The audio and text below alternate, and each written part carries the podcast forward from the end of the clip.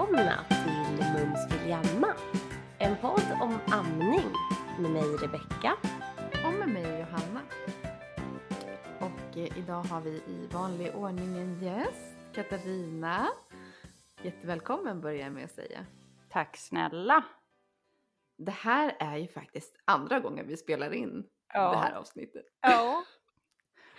Första Förra- gången blev inte så himla bra. Det var ju någon mick som inte var på. Vi hade ny utrustning och det bara... Ja, Mm. Men nu är Oj. tillbaka och det är Ja. jättekul. och vi får hoppas att det blir lika bra inspelning fast med micken då. Den det här kommer bli gången. bättre. Ja, jag hoppas också på det.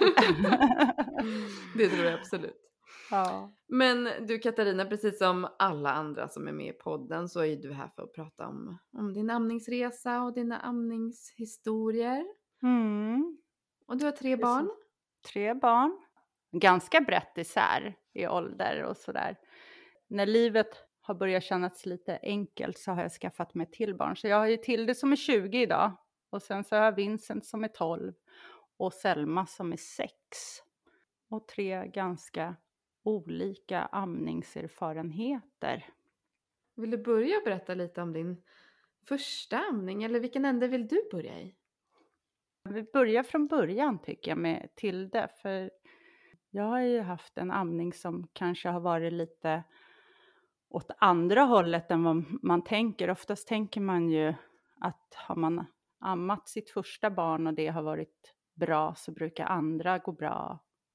Eh, med Tilde hade jag en jättebra amningserfarenhet men krångligt med de andra två. Tilde föddes ju när jag var 22.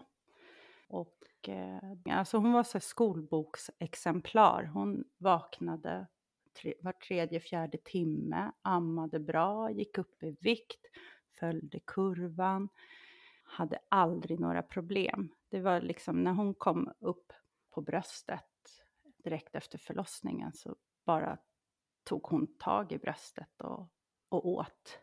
Mm. Så att eh, hon var väldigt, väldigt enkel. Och jag ammade henne i 16 månader. Och allt bara flöt på jättebra. Gud vad skönt.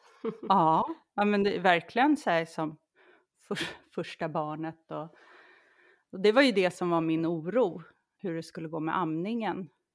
Jag hittade ju mitt förlossningsbrev där jag faktiskt, själva förlossningen var jag inte så orolig för alls, utan det var just så här att jag ville ha mycket hjälp och stöd med amning och så. Men sen har man ett barn som skötte det där av sig själv från början.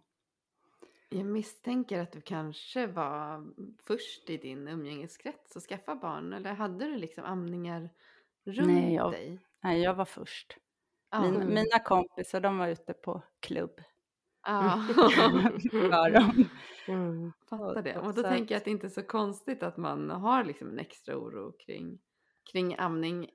Eller extra oro, men jag tänker i alla fall att om, om man är typ sist ut i skaran och får barn i sitt umgängeskrets och man har eh, kompisar som har ammat och kanske varit ganska öppna med sin amning och ammat liksom vart de än är. Så vill jag i alla fall tänka att det generellt sett gör att man blir mindre orolig. Att man Mm. liksom känner att Att det Ja, liksom fast- känns naturligt sam- och så kanske. ja, Ja.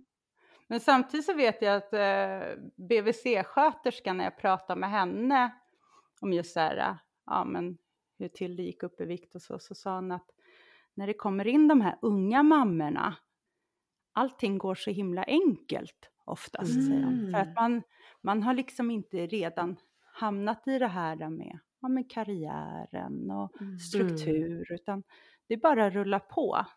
Mm. Kanske tar det kanske lite mer med-? Ja, tar det Mm. lite mer med en klackspark. Så det var ju så här, ja, och så funkar ju jag väldigt mycket fortfarande. Att allting löser sig. Mm. Precis, det ligger säkert någonting i det. Nu när du säger det känns det så, så givet faktiskt. Mm. Mm. Ja, men man har inte strukturerat upp sitt liv riktigt kanske när man är Mm. 22. Nej, jag förstår. Men eh, spännande att höra utifrån de här som du beskriver, liksom nästan eh, fläckfria amningsupplevelserna första gången. Mm. Så hade ju du en väldigt speciell amningsresa med andra barnet. Berätta Ja. om det. Men det var ju Vincent. han är ju 12 idag. Så när han föddes, ja men jag gick över graviditeten, så han var, gick ju över 11 dagar som var jättejobbigt. Men sen väl när han kom så var det en snabb förlossning och han kom upp på bröstet och jag ammade honom och allt var bra. Och sen så efter förlossningen fick vi flytta över till ett BB-hotell och där höll jag på att amma hela natten och, och så. Och sen så dagen efter så hade vi barnläkarundersökningen. Och då upptäckte de att han har ett litet blåsljud på hjärtat så då ville man ta lite extra kontroller. Så vi kom ner till mottagningen för att mäta hans syresättning och där upptäcker man då att hans syre sätter sig jättedåligt och mm. att då blir vi på en gång kommer eh, neonatalteamet och sen så får vi åka iväg eh, till ett annat sjukhus för mer avancerad vård. Så vi hamnar ju på Karolinska i Solna på neonatalen där.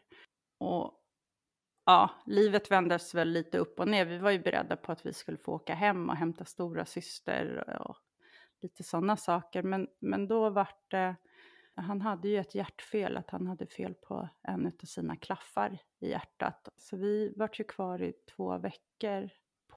Först var vi på neonatalen, sen så skulle vi få flytta över till familjeneo då. Och att vi skulle få ha honom inne på ett familjerum då, fast med övervakning. Men han var ju så pass dålig så, så han fick ju vara kvar ute på ett annat rum, så övervakningsrum. Och ganska snabbt så var det liksom att man ville få i honom extra mat.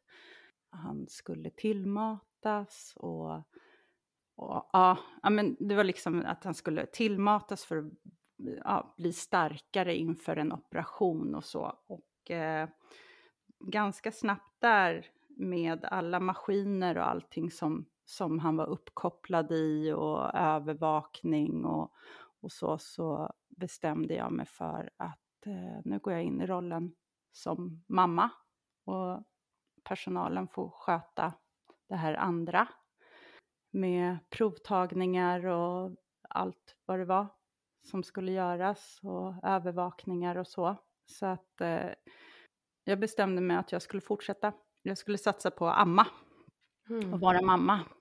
Och jag bad personalen att de kunde stänga av monitorn som, som man såg alla värden och så. Så att jag bara kunde fokusera på det. I och med att jag själv jobbar inom vården så är det lätt att haka upp sig på det. Och och det var ju det att så fort eh, när Vincent låg i den här eh, sängen och han ville ha mat och skulle flyttas över så började han skrika.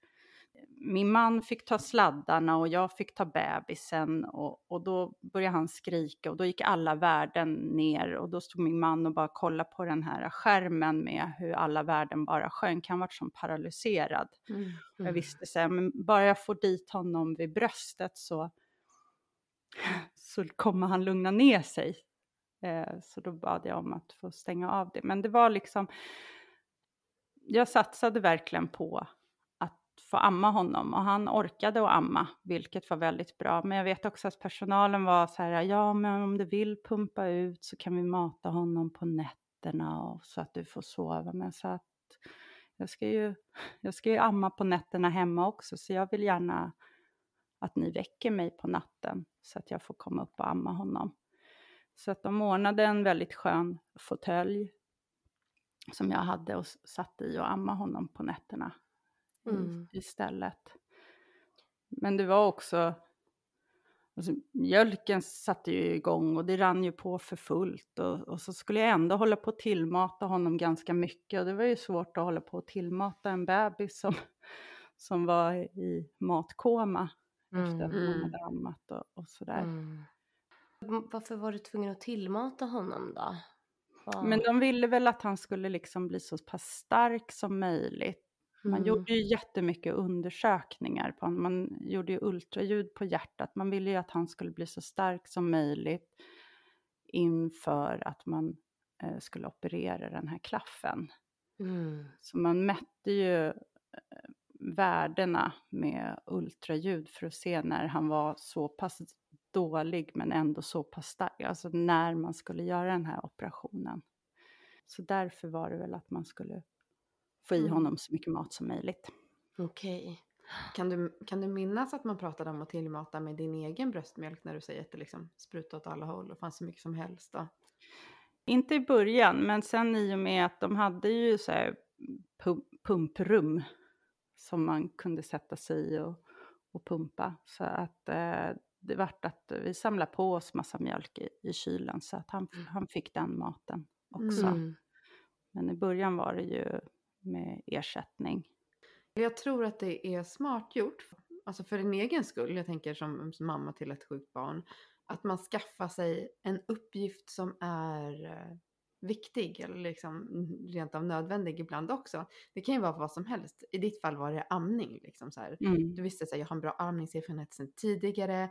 Det här vet jag är bra för mitt barn. Det Mm. här ska jag liksom, Mm. här ska jag lägga mitt fokus på. Mm. Förbättra för mitt barn. Och så. Jag tror att, att det är viktigt att man får vara delaktig i sitt barn.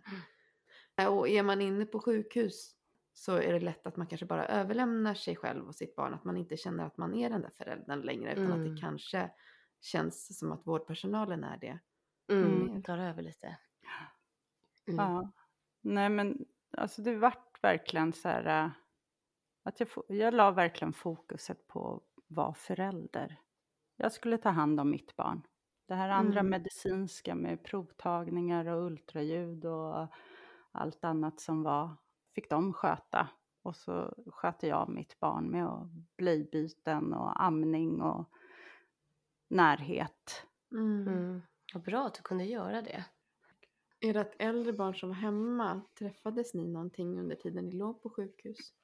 Nej, det var ju det som vart så jobbigt i det hela. Det var ju att eh, i och med han fick ju inte bli sjuk. Så att vi var väldigt isolerade ifrån alla andra.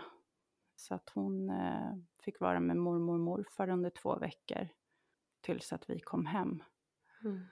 Men då var Ja. hon ju också så stor förstås. Fördelen att man kunde kommunicera det med henne och Mm. pratade. Men jag fattar att det var en tuff Men det strid. vart ju, ja, och det vart ju väldigt konstigt. Alltså hon hade ju fått träffa sin lillebror när vi var på eh, BB-hotellet. Så Mhm. kom hon ju Mm. över och träffade honom en liten sväng tillsammans med Mm. morfar och sen så sa vi vi ses imorgon, vi kommer Mm. att hämta dig och sen så Mm. bara vart det inte så. Mm. Och att hon inte fick komma över heller. Men han fick ju inte, jag tror att hon hade någon förkylning eller någonting så då var det ju också att hon absolut inte fick komma och Mm. hälsa på. Vad var prognosen från början när ni fick veta om eh, hjärtsjukdomen?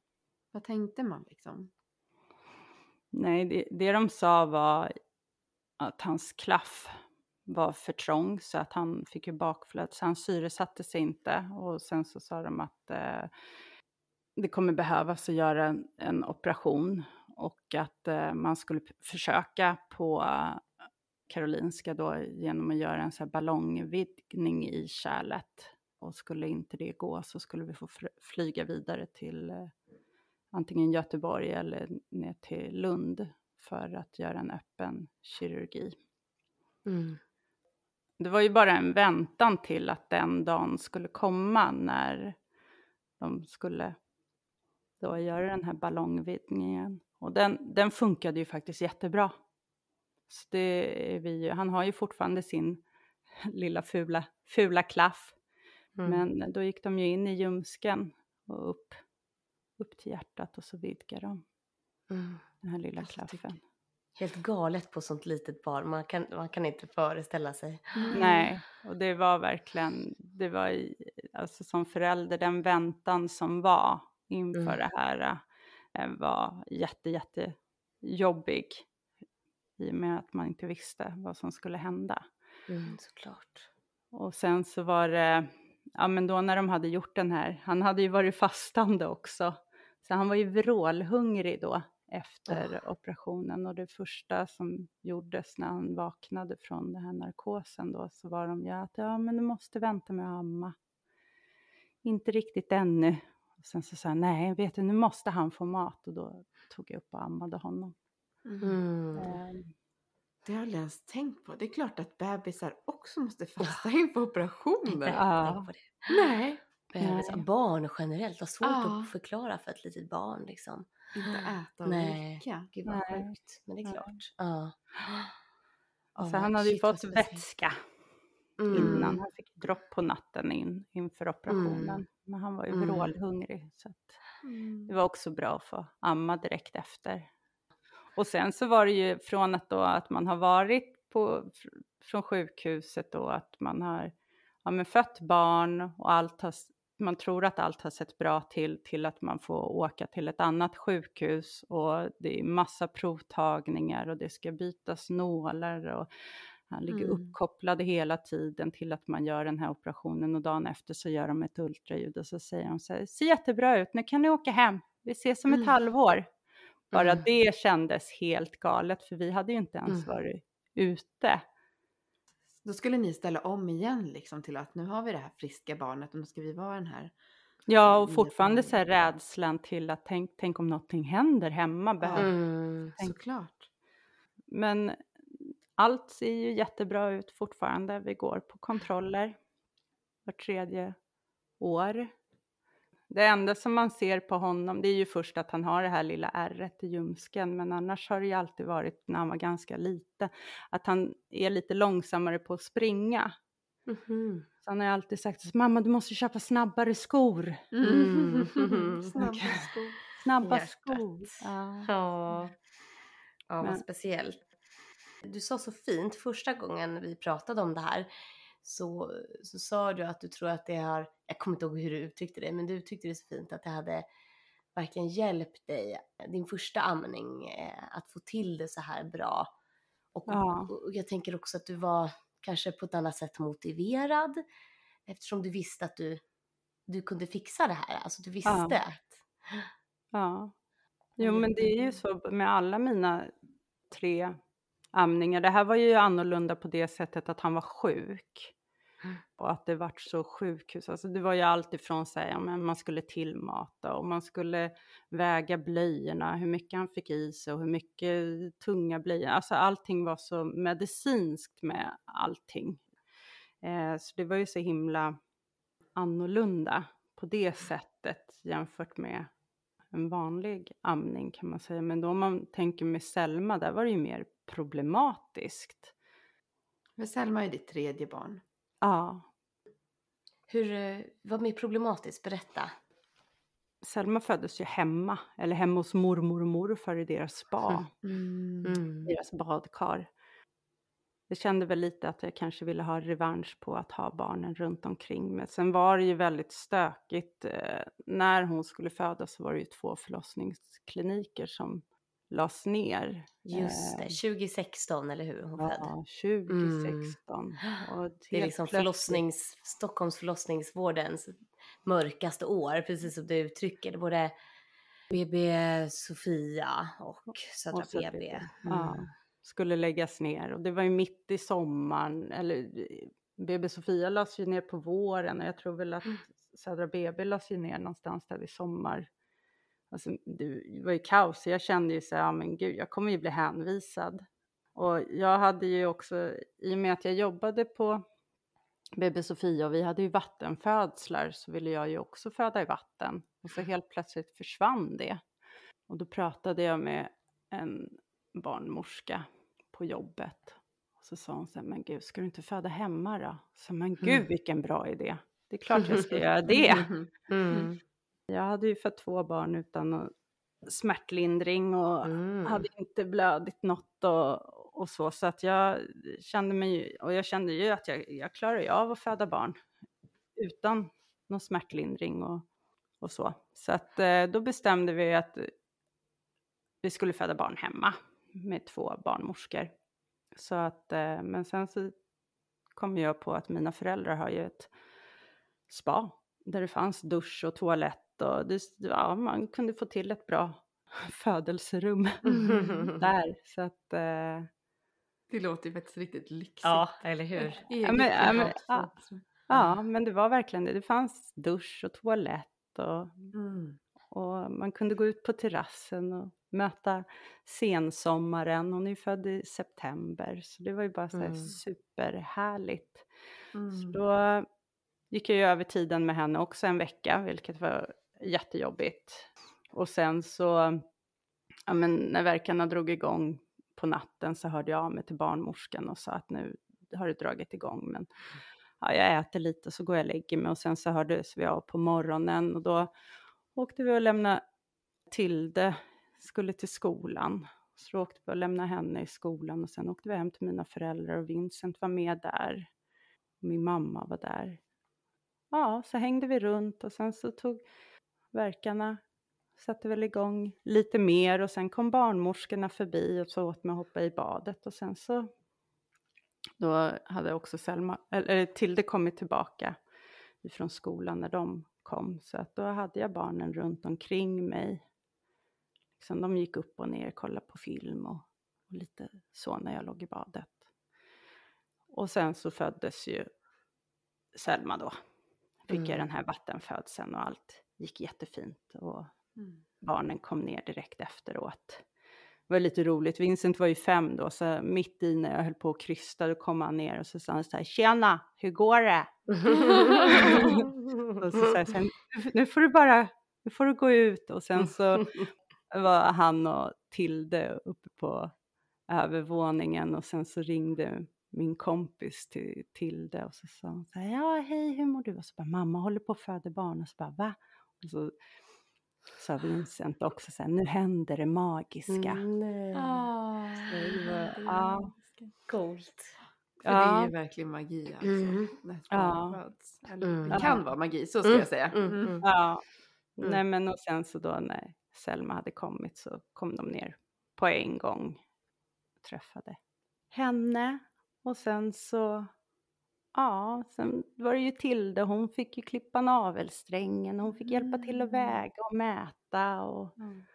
och sådana saker. Men ja, men ganska direkt efter att jag hade kommit upp ur badet så jag hade ju ordnat en säng också som jag låg i med Selma. Men då, just när hon tog tag första gången så kände jag så att hon, hon gör fel. Mm. Det känns inte rätt. För det var ju aldrig ett problem med Vincent, eller hur? Att du kände att det var fel liksom, tag Nej. eller så. Utan det handlade ju om att han var sjuk och Ja. svårigheterna kring det. Ja, men precis. Utan det här var bara att det kändes fel. Och tittade man hur hon tog tag och allting så såg det så himla rätt ut. Men det kändes fel. Mm. Och det är ju så Eh. himla viktigt när man utgår ifrån amningen. När man pratar med, eh, med den personen som ammar så, så är det ju inte som du säger, det är inte bara det ser, det ser bra ut utan vi frågar ju alltid hur känns det och hur ser det ut i Mm. efterhand och, Mm. och du som då jobbar inom branschen så att säga kunde kanske också utgå lite från dina kunskaper där. Ja, men precis. Och Mm. Det var ju det. Ja, men det vart ganska snabbt liksom. Jag ammade ju på så, men jag kände ju att det var fel och det vart ganska snabbt att det både vart såriga bröstvårtor och det blödde och det gjorde ont och jag höll på att trixa. Jag använde ju all min kunskap som jag kunde, alltså som jag hade. Mm. Och allt som jag hade, hade gjort.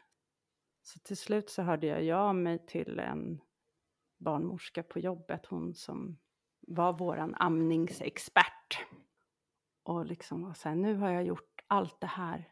Det här, det här, det här, det här. Jag har ändrat läge, jag har flyttat, jag har tagit nytt grepp. Allt, vad jag hade gjort. Men det gör så himla ont. Och det vart ju liksom att Selma gick ju inte riktigt upp i vikt. Och, och det gjorde fruktansvärt ont och jag hade amning snabbt för att avlasta någon, något sådär. Det var ju fortfarande väldigt ont och sen så fick jag ju tips också om att lägga värme på brösten för att läka såren och det hjälpte ju otroligt mycket den här värmen. Det var otroligt lin- lindrande men det var liksom jag pumpade och jag, ja, jag höll på med allt och sen så började jag liksom titta, jag såg ju att hon hade ju kort tungband. Mm. Jag pratade ju på BVC med, eh, med läkaren just om att så här, klippa tungbandet. För där var det ju också så här, ja hon går inte upp i vikt och du kanske behöver hålla på och tillmata och, och även om du ammar så till, alltså var, och de ville ta blodprover för att se att det inte var någon ämnesomsättningsstörning och ja, lite sådana saker. Så att jag, jag sa det, hon har, ju, hon har ju kort tungband och jag visste ju att vissa läkare klipper ju tungbandet. Det har ju jag sett när jag har varit på förlossningen och så, eller på BB, att vissa läkare har klippt tungbandet och hur det har förändrat hela amnings, alltså hela, hela amningssättet, att på en gång så har, har mamman känt att säga, ja ah, men gud, nu känns det helt annorlunda. Men eh, det vill inte den här barnläkaren göra, utan hon Mm. sa att det, det gör inte vi. Okej. Kunde hon inte hänvisa dig vidare då någonstans eller? Nej, det vart inte så. Men på något Mm. konstigt vänster så löste det sig ju ändå. Jag, jag vet inte vad det var som hände, men någonting hände ju till att amningen vart bättre. Mm. Men visst kan, kan inte tumbandet liksom Mm. Stretchas, stretchas ut. ut? Mm. Precis. Det kan det och det är ju därför man gör de här, man gör ju ganska, nu så har vi ett ganska långt bedömningsformulär som vi utgår ifrån och utgår man ifrån hur det ser ut dels men också utifrån ja, hur det funkar med amningen, går barnet upp i vikt och allting. Utifrån vad du berättar så hade det här varit idag med det bedömningsformuläret så låter det som att man hade skickat remiss för att klippa tungbandet. Men som du säger Johanna så, så vet man att det finns barn med korta tungband där man inte upplever eh, mycket problem från alltså, mammans sida eller som ammar. Eh, som, eh, ja, som, som ju kan amma eh, och det funkar med, även med ett kanske jättekort tungband. Så det är ju eh, väldigt individuellt vad jag förstår. Det är därför Mm. man gör så. Mm. Men vet du hur många det är som faktiskt stretchas ut av sig Nej. själva? För jag tänker att Ingen aning. ett kort tungband kan ju i framtiden också leda till andra Mm, besvär. talsvårigheter och så. Exakt. Ja. Mm. Man ser ju på henne när hon sträcker ut tungan att det fortfarande är lite hjärtformat. Mm. Ah, Eh, För det är ju ah. det som man brukar se som är ganska typiskt. Just. Mm. Um, hon har inte haft något problem med talet och så som, som Nej. barn eller? Nej, Vad bra. det har hon inte. För risken är ju såklart när man liksom upplever det som du, det Katarina, att det var väldigt smärtsamt. Det är ju Mm. att det där inte är någonting man vill fortsätta med. Mm, Nej, exakt. och det var ju verkligen, det ilade ju i hela kroppen. Det var ju Ah. verkligen, det gjorde så fruktansvärt ont. Och Eh, amma är ju liksom inte bara någonting man gör någon gång om dagen eller två, utan det gör man ju rätt ofta. Mm. Ja, men precis. Nej men det, det var verkligen, och liksom att man ser att barnet är hungrigt och man ska lägga till vid bröstet och man Mm. vet att det, det kommer alltså ila, alltså att nackhåret reser på sig för att det Mm, gör så mm. fruktansvärt ont. Mm. Eh, och sen så försökte jag ju också, i och med hon ville ju inte ta någon flaska. Jag fick ju jättemycket bra tips utav min, alltså barnmorskan där på jobbet just så här. Så jag köpte ju, fanns ju skedar som man fyllde med mjölk och, och skedmatade istället för att kopp, koppmata. Man kunde fylla dem mycket mer och, och så. Så att det Mm. använde jag ju också av för att avlasta och sen så just den här amningsnappen. Men hon var ju, hon har ju aldrig liksom tagit napp eller nappflaska eller ersättning eller någonting sånt. Så Hon är ju en liten bestämd tjej Mm. och var det redan från början vad hon ville och inte ville. Mm. Men, men det släppte ju så småningom det här äh, med, med det onda. Och jag ammade ju henne i 16 månader också. Alla mina barn har ju ammats i 16 månader. Mm. Mm. Just det här, äh, hade hon varit mitt första barn, vet man ju inte hur det hade gått med de andra. Så det är ju som, Mm. liksom, det är ju nog tack vare av att man hade till det först som att det Ah. har eh, fun- funkat. Att jag ändå vet att, att jag kan. Mm. Ja, det spelar ju så stor gå. roll eh, ty- tycker jag. Att Jag tycker jag har hört det på flera av våra gäster också. Eh, som har nämnt just det här med att eh, första amningserfarenheten har hjälpt så mycket vid senare barn. Mm. Faktiskt. Det, det märker man ju jättemycket på när man eh, träffar patienter också. Mm. De som har haft positiva amningserfarenheter har ju en grundläggande optimistisk inställning. Eh, och har man haft å andra sidan negativa erfarenheter då eh, är det inte säkert att man ens vill eller orkar ge det en chans. Och det kan man ju verkligen förstå. Mm. Mm. Ja men jag tänker att det är så mycket risker i det där att inte, inte lyckas med amningen. Man Mm. blamear sig själv. Man liksom, Mm. Jag tror att amningen verkligen kan stärka en Mm. i sin tilltro till sin kropp. Men den kan ju också tvärtom. Den Mm. stjälpa den här tilltron också. Mm. Eh, Verkligen. Måste inte bli såklart så. Men jag är helt säker på att det kan bli så. Ja. Mm. Men du beskriver ju att till det var så här exemplarisk sa du. Ammade var tredje, var fjärde timme. Och så. Här. Har det Ja. varit som med alla dina barn eller har det varit lite olika hur ofta och tätt de vill amma? Men jag tycker alla mina barn har verkligen velat amma mycket. Alltså, jag har aldrig, jag liksom har aldrig behövt att ställa någon klocka eller någon, någonting sånt.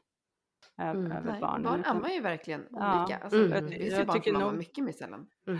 Jag, jag tycker nog att mina barn har ammat mer ofta än, Mm. än sällan. Som Mm. det har varit. De har varit matglada Mm. barn. Mm, det går nästan igenom tycker jag lite senare också. Så här, I alla fall är det som med mina. Jag har ju bara två barn så jag, de att jämföra med. Men så här, om de har ammat mycket och ofta. Så också så här blir det, sen när- de äter mat, liksom så här, går Mm. gärna och småäter Mm. ofta och så. Och sen så tvärtom då med andra barnet som inte velat äta så mycket och vill heller inte äta så mycket mat liksom. Så att det kanske är lite personlighetsdrag. Mm. Ja, Mm. ja, mina, absolut. mina barn klättrar ju högst upp i skåpen Mm. för att komma, komma åt. De ät, Mm. äter hela tiden, småkäkar. Mm. Gör de. Ja, men det, ja, nej men det, det är liksom, jag tycker inte man ska ta så här för givet att, att funkar det bra med första barnet så funkar det bra att man ska vara lite lyhörd på det. Och ta för sig, alltså söker stöd i, i sin amning. Det finns ju jättemycket tips och tricks och sen så precis som alla födslar är ju olika, det är ju, alla barn är olika och liksom det här med amning, alla amningserfarenheter är olika. Det är ju, Mm. alltså vi är ju individer som Mm. är, är olika. Och man har jättemycket tips och tricks som vi som jobbar inom förlossningsvården och BB och så, just så mycket tips och tricks och så. Men, och sen så just att så här, amningsmönstret ändras hela tiden. Ena amningen kan se ut på ett sätt och så den andra på ett annat sätt. Det är också Verkligen. väldigt, man får ta den stunden, den amningen som var just då, hur den, Mm. hur den var. Mm, det är viktigt det du lyfter det här med eh, att se till att även eh, omföderskor eller de som har tidigare amningserfarenheter att de behöver, kan behöva stöd. Att man ja, men inte tar för givet att det ska funka. Mm. Eh, Ja. verkligen. Mm. Och öppna upp för det som vårdpersonal. Det är ju superviktigt. Mm, mm, Ja. ja, för det är en Mm. liten ny individ som man ska lära känna. mm. Gud ja. Verkligen. Det är det. Mm. Ja, minst sagt utmaningar med amning och olika utmaningar med olika barn. Mm. Och jag tänker att nu när du har stora barn, 6 och vad sa du, 6, 12 och eh, 20. ja. Ja, är det säkert eh, helt nya utmaningar än vad du hade då de där första 16 månaderna. Ja. ja, absolut. Ja. Det är livet. Mm. Ja, det är Ja. det. Jätte, jätte, jättetack Katarina för att du eh, var här och delade med dig av dina erfarenheter. Och Mm. jätte, jätte, jätte tack för att jag fick vara med. För det här är ett jätteviktigt ämne att prata Mm. om. Och jag hoppas att det kan stötta upp andra ammerskor. Eller de Mm. som ska precis få en liten bebis. Precis så även kanske, tänker jag, eh, vårdpersonal som jobbar med det här. Är ju- Ni har ju Mm. haft ganska många inblandade, alltså olika typer av vårdpersonal med dig och dina barn. Och de som jobbar på neo, sjuksköterskor, undersköterskor. Jättemycket viktiga aspekter att, Mm. att tänka på i det här. För det är ju inte alltid alla barn som är friska heller. Nej. Så du lyfter superviktiga saker. Jätteintressant att lyssna på. Tack. Tusen tack. Ja.